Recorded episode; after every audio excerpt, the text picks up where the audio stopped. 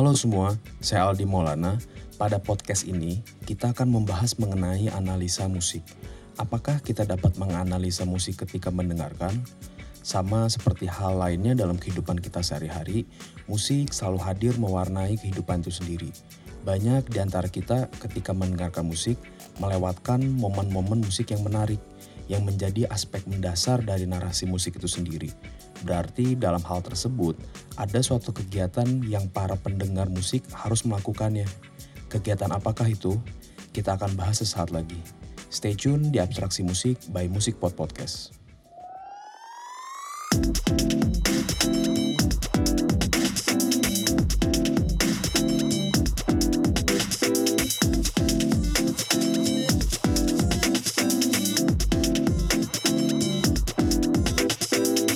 Seringkali kita mendengar musik dari playlist musik yang sengaja kita buat di galeri gawai atau komputer, atau juga di akun platform musik online yang sering kita gunakan.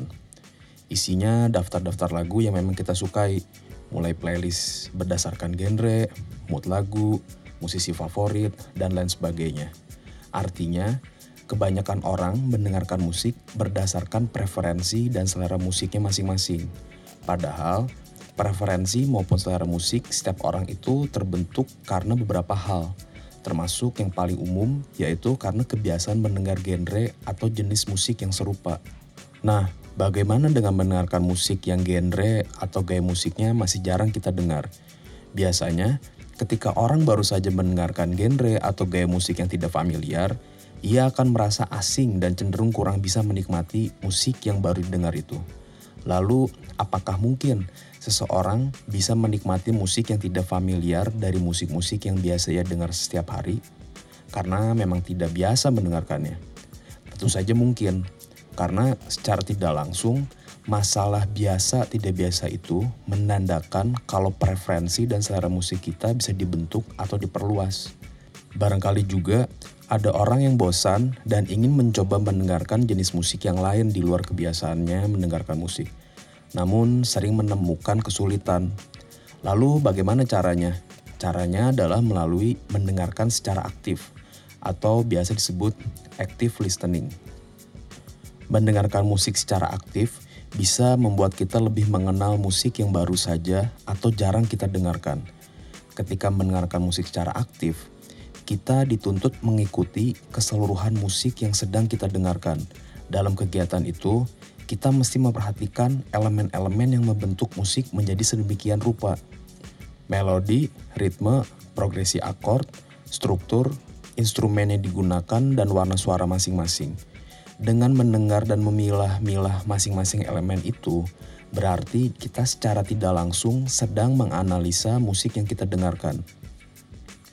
Apa yang sedang dianalisa yaitu bagaimana masing-masing elemen terbentuk dan saling terhubung satu sama lain menjadi kesatuan musik yang kita dengar.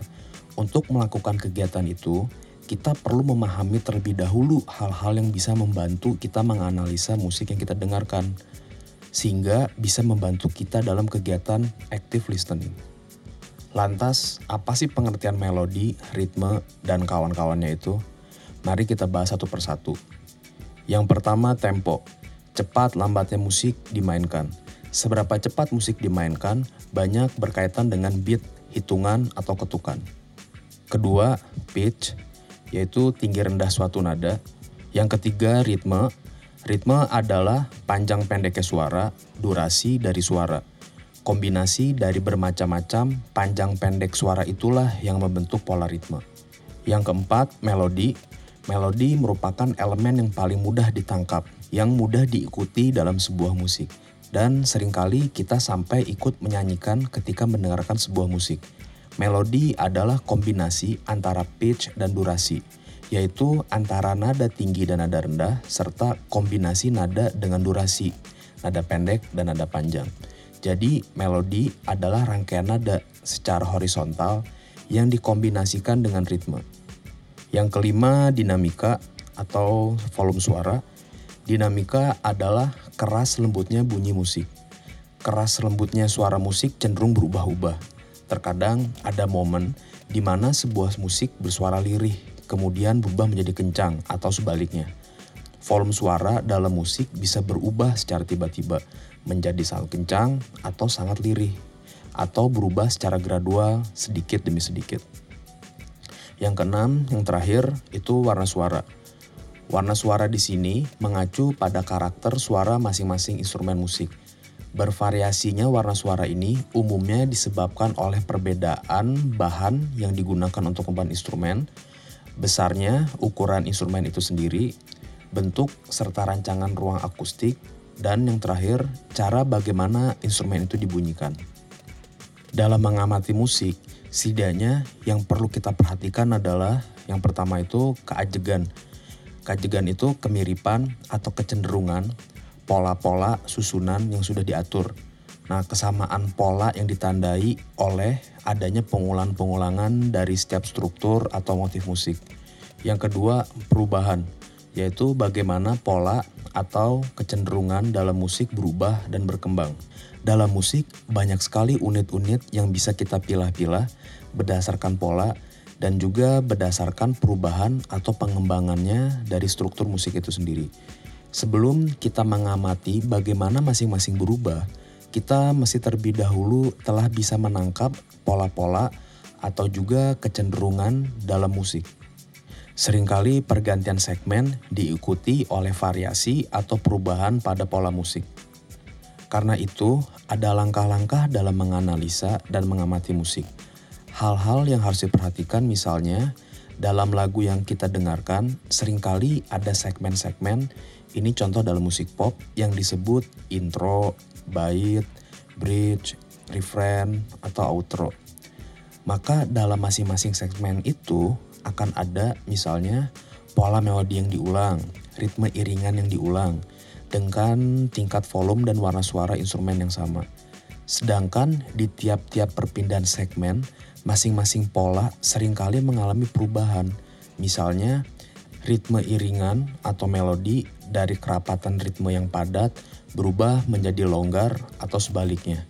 Suara melodi yang tadinya berada di register tengah bergeser ke register atas. Volume suara yang sebelumnya lembut atau sedang berubah menjadi kencang. Warna suara instrumen yang sebelumnya soft berubah menjadi lebih kering atau tajam. Oke, untuk itu semua, mendengarkan musik secara aktif menjadi penting adanya karena kita akan mengetahui secara deskripsi apa saja yang menjadi bagian-bagian dari musik yang kita dengar. Untuk teman-teman semua yang ingin berlatih mendengarkan musik secara aktif, silahkan teman-teman download worksheet mendengarkan musik dari abstraksi musik. Teman-teman bisa download di abstraksimusik.com slash download worksheet mendengarkan musik. Oke, sekian dari kami. Terima kasih telah mendengarkan. Sampai jumpa.